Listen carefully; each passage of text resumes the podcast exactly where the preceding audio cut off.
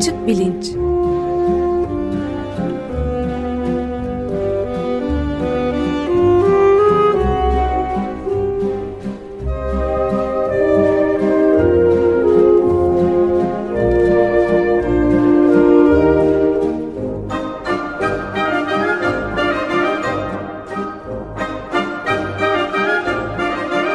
Güven Güzeldere ile bilim ve felsefe sohbetleri.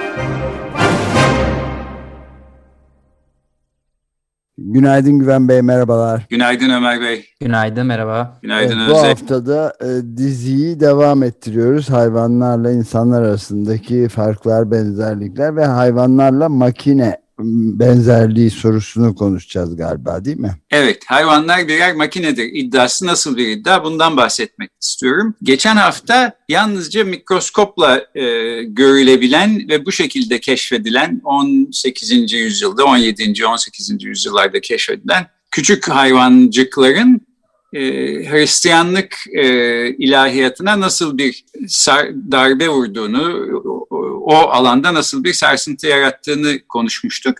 Oradaki argümanlardan birisi şuydu, eğer her bedeni canlı kılan ve fiziksel olmayan bir ruh varsa, e peki mesela bu tatlı su poliplerini alıp ikiye böldüğünüzde iki ayrı polip ortaya çıkıyor.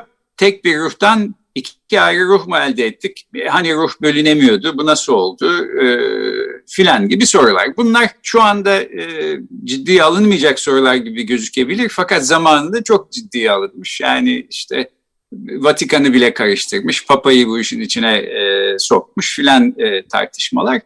Şimdi bu e, hayvanlarda ruh meselesini elimine etmenin aslında e, bertaraf etmenin kolay bir yanı var, e, tarafı var, e, yöntemi var diyelim. O da hayvanlarda ruh yoktur demek. Yani ruh yalnızca insanlara özgüdür. Hayvanlar e, ruhsuz şeylerdir demek ki bunu mikroskopun bulunduğu zamanlarda bile hatta onun öncesinde e, felsefeci René Descartes zaten 17. yüzyılda öne sürmüş. E, ruh bir tek insanlara özgüdür, hayvanlarda yoktur e, demiş. Bu e, hayvanlar birer otomattır diye bunu dile getiriyor. Otomattan kastı da işte makine aslında. Peki bu ne demek ve bu cevap belki bu ruhla ilgili işte ruhun bölünmezliğiyle ilgili filan problemi çözmüş oluyor ama başka problemler yaratmıyor mu? Özellikle ahlaki bir takım problemler yaratmıyor mu? Bugün biraz bundan bahsedeyim istiyorum.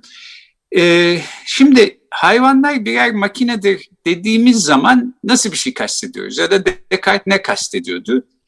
Bir kere şöyle düşünülebilir. Yani hayvanların nasıl davrandığını açıklayabilmek için işte onların fiziksel, kimyasal, biyolojik özelliklerine bakmamız yeterli. Ayrıca bir materyal olmayan, fiziksel olmayan bir ruhun onları anime ettiğini, işte o cansız bedenleri canlı haline döndürdüğünü filan varsaymamız gerekmiyor makinelik böyle bir şey. Makine olmak böyle bir şeydir. Onun biyolojik birer makinedir. Dersek orada belki çok bir sorun yok. Nitekim hemen Descartes'in arkasından bir takım felsefeciler özellikle 18. yüzyılın Fransız materyalist felsefecileri e tamam işte biz insanlar da aynen öyleyiz diyorlar. Yani bizler de birer biyolojik makineyiz. Bunda ne var? Fakat tabii Descartes bunu kastetmiyor. Descartes demeye çalışıyor ki insanların ruhu var. Dolayısıyla ruh meselesi çok önemli. Çünkü ölümsüzlüğümüzü ruh sağlıyor ve ölümsüzlük sayesinde ahiret e, düşüncesi mümkün oluyor. Ahiret düşüncesi sayesinde de işte bu dünyada bitirilememiş bir takım adalet konuları oraya havale ediliyor. Yani işte iyilik yaptıysak onun ödülünü orada görüyoruz. Bu dünyada görmediysek bile kötülük yaptıysak ve e, bir şekilde bu kötülük yanımıza kar kaldıysa bile öte dünyada, ahirette bunun cezasını görüyoruz ve bundan da kaçış yok.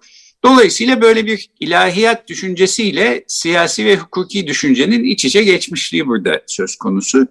Ve bu ilahiyat düşüncesi haliyle bu dünyada tamamlanamamış adalet projelerine aslında bir tür teselli de sağlıyor. Yani tamam peki bu dünyada böyle oldu ama bak öte dünyada kaçış olmayan bir şekilde iyiler ödüllendirilecek, e, kötüler cezalandırılacak filan diyoruz.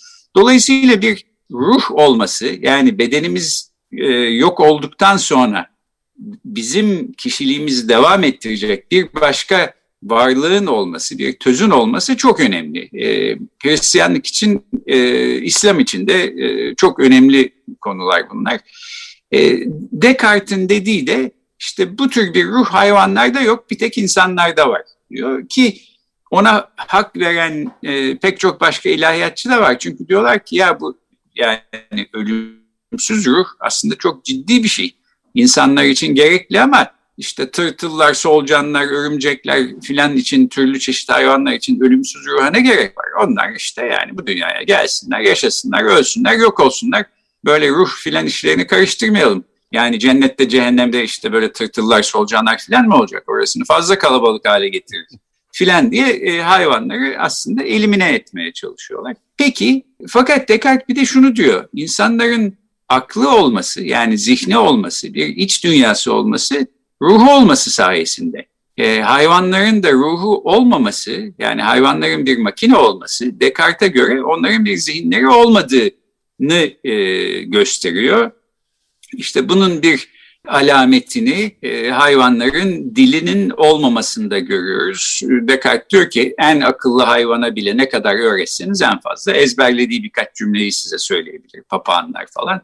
Halbuki insanların en akılsızı bile işte böyle sizin sorularınıza cevap verebilir, doğal dili kullanabilir. Dolayısıyla insanlarla hayvanları ayıran en önemli kategorik özellik budur diyor. Peki ama hayvanların bir zihni yoksa bir iç dünyaları da yoksa o zaman mesela acı da e, çekemezler. Çünkü hayvanların bütün davranışları refleks olarak verdikleri bir takım tepkilerle açıklanabilir.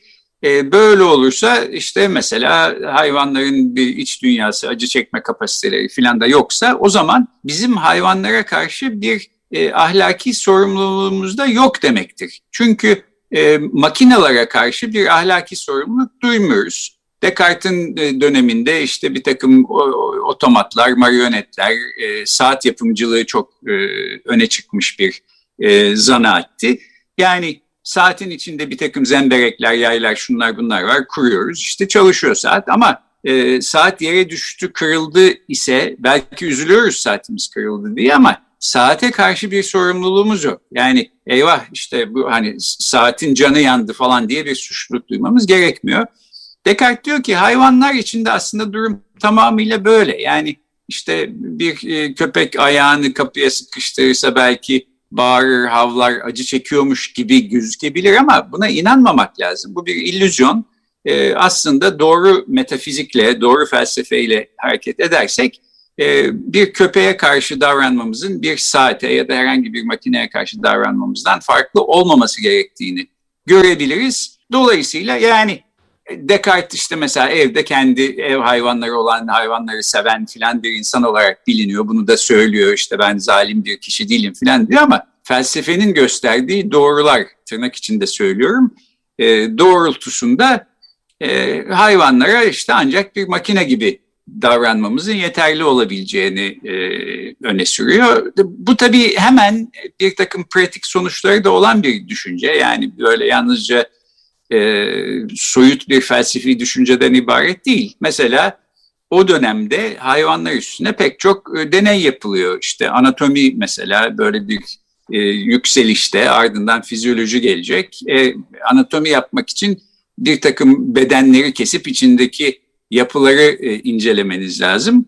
E, e, Descartes'e göre işte bu hayvanları siz canlı canlı da kesebilirsiniz. Üstelik anestetik bir şey kullanmanıza da gerek yok. Çünkü hayvanlar zaten acı çekmiyorlar. Dolayısıyla bizim bir ahlaki sorumluluğumuz, yükümlülüğümüz yok hayvanlara karşı. Yani Descartes'in bu ruh meselesine bulduğu çözüm, hayvanların ruhu yoktur, onlar birer makineden ibarettir çözümü aslında bence biraz böyle işte yağmurdan kaçarken doluya tutulmak gibi daha derin ve daha zorlu bir takım ahlaki problemlere çarpıyor ee, ve ben bu konuda Descartes'i çok haksız buluyorum. E, hatta şey diye düşünüyorum yani bazen işte ideolojinin ya da bir felsefi görüşün e, insanı kör etmesi ya da bir kör nokta oluşturması ve gözünün önünde olan son derece bariz, bence tartışmaya bile gerek olmayan işte kediniz acı çekiyor mu çekmiyor mu yani e, ayağı bir yere sıkışırsa filan e, bunun bence tartışılacak bir yanı bir yok. Elbette çekiyor yani. Şimdi bu benim felsefi, metafizik görüşümden ötürü ruhu yok dolayısıyla çekmiyor filan iddia etmek bana e, olabilecek bir şeymiş gibi gelmiyor ama herkes benim gibi düşünmüyor. Fel, bugün felsefe dünyasında hala Descartes gibi düşünen pek çok insan olduğunu e, söyleyerek e, bu bölümü e, noktalayayım. Evet belki işlerine de geliyordur bu şekilde düşünmek insanların Descartes gibi düşündüğünü düşünmek ve düşündüğünü iddia etmekte. Çünkü o zaman hayvanlara muamele meselesini daha kolay içlerine sindirebiliyorlar olabilir diye de düşünüyor insan yani. Bence öyle yani kullanışlı bir görüş aslında bu evet. hayvanlar e, makinedir demek. Bugün Dolayısıyla aslında felsefi olmaktan çok ideolojik bir e, açıklama bu. E, evet yani ikisi birden aslında hani felsefeden kaynaklanan ideolojik bir görüş. Tabii şimdi gelecek hafta bunlardan bahsetmek istiyorum. Mesela e, hayvanlara olan sorumluluğumuz ya da yükümlülüğümüz belki bir tek hayvanların acı çekip çekemiyor olmaları e, düşüncesi üzerinden yürümemeli. E, örneğin işte veganların ve vejeteryanların dayandıkları argümanlardan bir tanesi bu e, et üretim merkezlerinin, tavuk çiftliklerinin filan hem hayvanları hem insanları sömüren e, kapitalist sistemin içindeki bir sömürü düzeninin parçası olmasıyla alakalı. Buna karşı çıkıyorsanız o zaman işte bu et üretiminde e, ne de son vermeniz gerekir e, demektir. Bu hayvanlar acı çekmese bile aslında bence doğru olan bir argüman. Dolayısıyla hayvanların acı çekip çekiyor olmaması belki tek kıstas değil.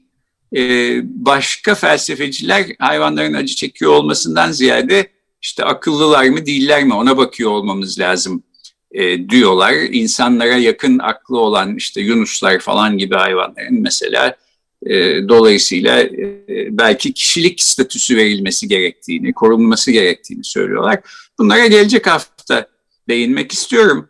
E, fakat şunu söyleyeyim, bu Descartes'in zamanında, e, Descartes Cizvit okullarında okumuş, çok dini bütün filan bir insan ama bu aslında yazdıklarıyla yani hayvanların ruhu yoktur e, düşüncesiyle bir şekilde dinsizliğe istemeden hizmet ediyor bence. Orada attığı adımlar e, yani e, evet hayvan bedeninin bütün davranışları bir fiziksel ruha gerek kalmadan açıklanabilir kabul ettikten sonra e o zaman insan bedeni de öyle olabilir ve aslında küçük bir adım kalmış oluyor ve bunu e, kullanan başka felsefeciler argümanı Descartes'in karşısına e, çıkartıyorlar hemen. Fakat e, bu Descartes'in argümanının tam tersini kullanan e, bir sürü cizvit e, papaz da var. E, onlar da Descartes'la aynı düşüncedeler fakat tersten gidiyorlar. Bence konunun tartışmanın diyalektiği açısından çok ilginç. E, bundan buna da değinmek istiyorum.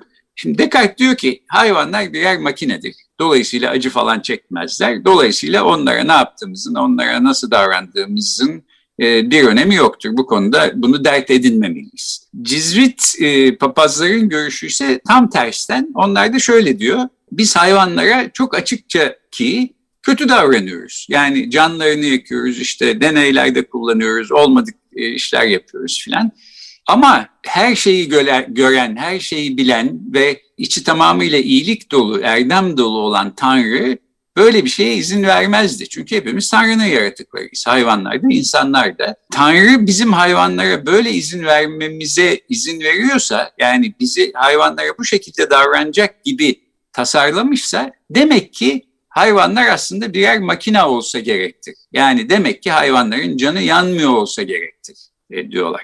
Yani Descartes hayvanlar birer makinedir varsayım olarak alıp onlara davranırken e, işte çok dert etmemeliyiz, e, ahlaki bir sorumluluğumuz yok sonucuna ulaşırken e, cizvit papazlar tam tersine gidiyorlar ve hayvanlar bir makinedir bir sonuç olarak ulaşıyorlar e, kullandıkları varsayımda Tanrı'nın başka türlü olmasına izin vermeyeceği e, varsayımı. Bu da tabii kullanışlı bir şey. Yani evet dolayısıyla her iki görüşte de hayvanlara ne istiyorsak, canımız ne istiyorsa öyle yapabiliriz. E, hayvanlar bağırıp çağırıyorsa bile bu bir illüzyondan ibaret. Çok e, aklımızı oraya takmamalıyız gibi bir e, sonuçta Descartes'ta e, bu Cizvit e, rahiplerde birleşiyorlar yani sonuç olarak. Evet. Kullanışlı bir şey aslında tabii evet. Evet sahiden kullanışlı bir şey. Şimdi bir de bu hayvanlar makinedir konusu üstüne son bir şey daha söylemek istiyorum. Ee, bir 1960'ta e, yazılmış e, Beynin Aksamı diye bir kitap var. Machinery of the Brain. Dean Wooldridge diye bir adam yazmış. Orada bir yaban arısının hikayesinden bahsediyor. İşte çölde yaşayan özel bir tür Sphex adında bir yaban arısı. Ben bundan bir başka programda bahsetmiştim. Fakat e, son zamanlarda anladım, öğrendim ki aslında yanlış bir şeyler söylemişim. Şimdi onu düzeltmek için söylüyorum ve hayvanlar birer makinedir teziyle de aslında alakalı bir şey. E, bu Sphex denen yaban arısının hikayesini e, felsefeci Daniel Dennett ve yapay zeka araştırmacısı Douglas Hofstadter birlikte e, derledikleri bir kitapta kullanıyorlar. Herkes de oradan yani bütün felsefe ve bilişsel bilimler literatüründe herkes de oradan hareketle işte Sphex aşağı Sphex yukarı. E, ben de bunlara dahilim yani verdiğim birkaç konuşmada da bu Sphex'in örneğini filan vermiştim. Sphex örneği şu açıdan ilginç. E, hayvanlar bir makinedir tezini aslında destekleyen bir örnek. E, Sphex yer altına kazdığı tünellerde yaşayan e, ve yiyecekleri oraya depolayan bir hayvan. E, işte bir takım başka böcekleri öldürüyor ya da ölü böcekleri alıp toplayıp getiriyor. Bu tünellerin içinden geçerek bir depo gibi bir yerde onları biriktiriyor. İşte sonra da hem orada barınıyor hem işte yiyecekleri orada filan. Fakat şöyle ilginç bir durum söz konusu. Bunu da işte böcekler üstüne çalışan entomologlar keşfediyorlar 19. yüzyılda. Sphinx'in bir rutini var. Kendi tünelinin ağzına geliyor bir e, işte ölü bir böcekle birlikte onu o böceği içeri alacak tünelden. Fakat böceği içeri sürükleyebilmesi için tünele geri geri girmesi lazım. Çünkü ağzıyla e, böceği tutarak e, çekecek. E, dolayısıyla doğrudan yani kafa e, önde şeklinde giremiyor, geri geri giriyor. Şimdi o tünele Sphinx'in avcısı olacak bir başka böcek girmiş olabilir. Öyle bir durumda Sphinx çok zor durumda kalacak belli ki. Yani geri geri gitmeye çalışıyor. Önünü de zaten ölü bir böcek kapamış vaziyette. Orada da arkada bir başka onu avlayacak bir böcek varsa e, felaket bir durum. Dolayısıyla yani böyle biz akıl yürütüyoruz. Sphinx şöyle bir şey yapıyor. Getiriyor ölü böceği işte bu tünelin ağzından 10 santim kadar uzaklıkta bırakıyor kendisi e, kafası önde olmak üzere tünele giriyor. Ve e, yani tabii sonra ne yaptığını göremiyoruz ama bir 10 dakika sonra neyse tünelden çıkıyor. Tünelde bir şey var mı yok mu diye kontrol ediyor diye varsayıyoruz. Öyle düşünüyoruz. Ve o noktada yani tünele bir kez girip çıktıktan sonra kendi başına böceği alıp geri geri bu sefer tünele giriyor. Böceği orada bırakıp tekrar çıkıyor. Şimdi e, bu e, Dean Wooldridge'in kitabında anlatılan hikaye e, 19. yüzyılda yaşamış bir Fransız e, böcek bilimci Jean-Henri Fabre. E, Jean-Henri Fabre diye bir adamın çalışmalarından alınmış. E, adam yani işte hani herkesin merakı farklı. Bunun da merakı Sphinx'ler üstüne. Gidiyor bir Sphinx'in e, tünelinin ağzında bekliyor. İşte bütün gün bekliyor. Belki üç gün bekliyor neyse. Sphinx oraya gelip bir ölü böceği tünelin ağzının yakınında bırakıp içeri girdikten sonra o ölü böceği biraz uzağa çekiyor. Yani işte 10 santim yerine şimdi 25 santim uzakta mesela. E, çok uzakta değil yani Sphinx'in öyle araması gerekmiyor ama ve şunu gözlemliyor. Sphinx çıktı tünelden, aa böcek bıraktığı yerde değil, biraz uzakta.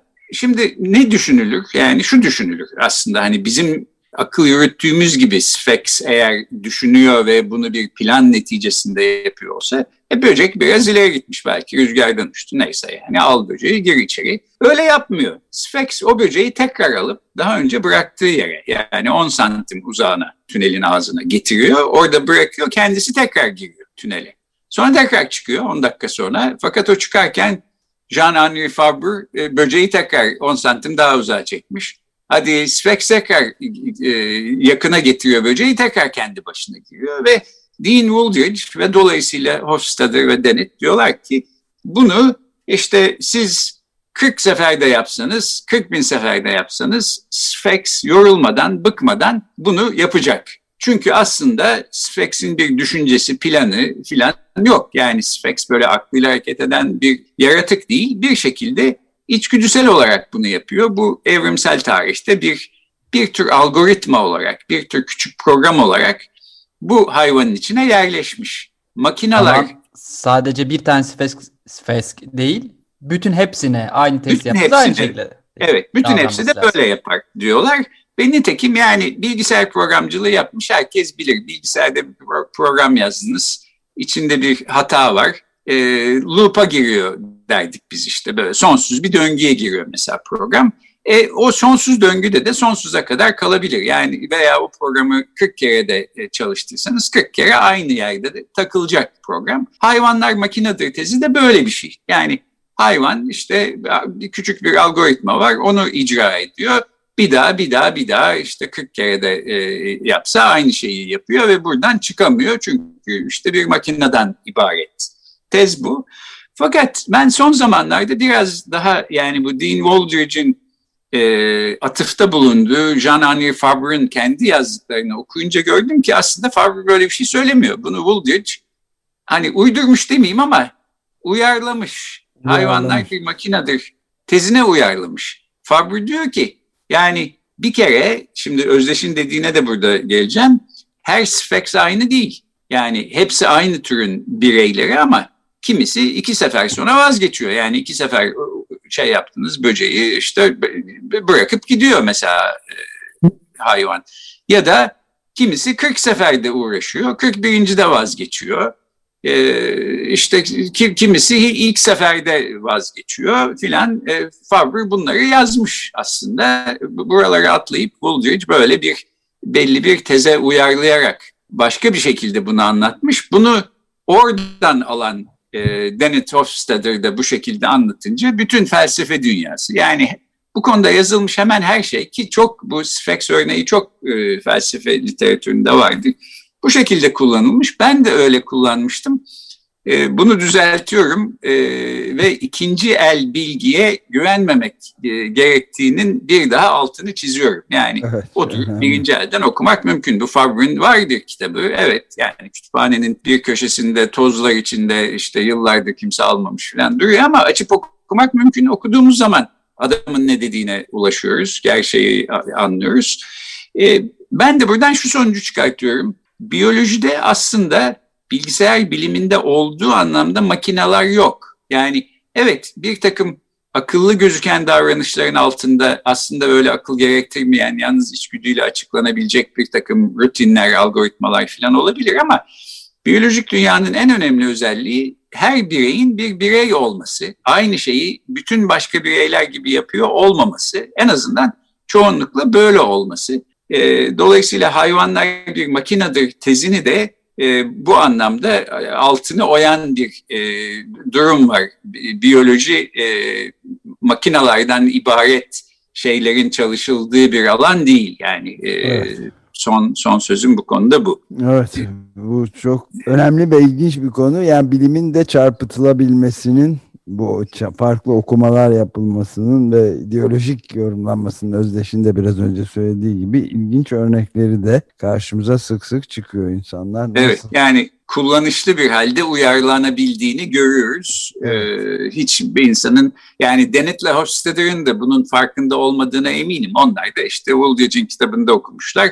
Oradan e, birinci elden Fabre'ın kitabına bakmadan almışlar Herkes de onlara güvendiği için oradan almış, yayılmış. Bu böyle bir tür hani e, sahte haberin yayılması falan gibi bir şey aslında. Demek ki evet. akademik dünyada da böyle şeyler oluyor. Peki hayvanlar acı çektiği için mi biz onlara karşı ahlaki bir sorumluluğa sahibiz? Akıllı oldukları için mi? Yoksa e, türlerinden dolayı mı? Türcülük konusu mesela burada ne şekilde e, gündeme geliyor? Bunları konuşmaya da gelecek hafta devam edelim. Devam diyorum. edeceğiz. Peki bitiriyoruz evet. o zaman. Çok teşekkür ederiz. Ben teşekkür ederim. Görüşmek üzere. Görüşmek üzere. Görüşmek üzere.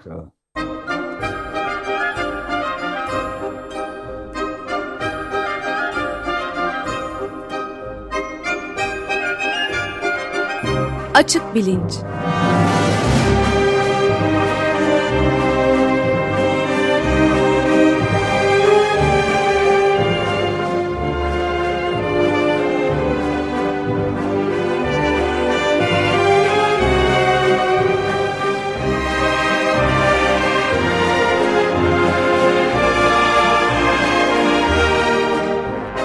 Güven Güzeldere ile bilim ve felsefe sohbetleri.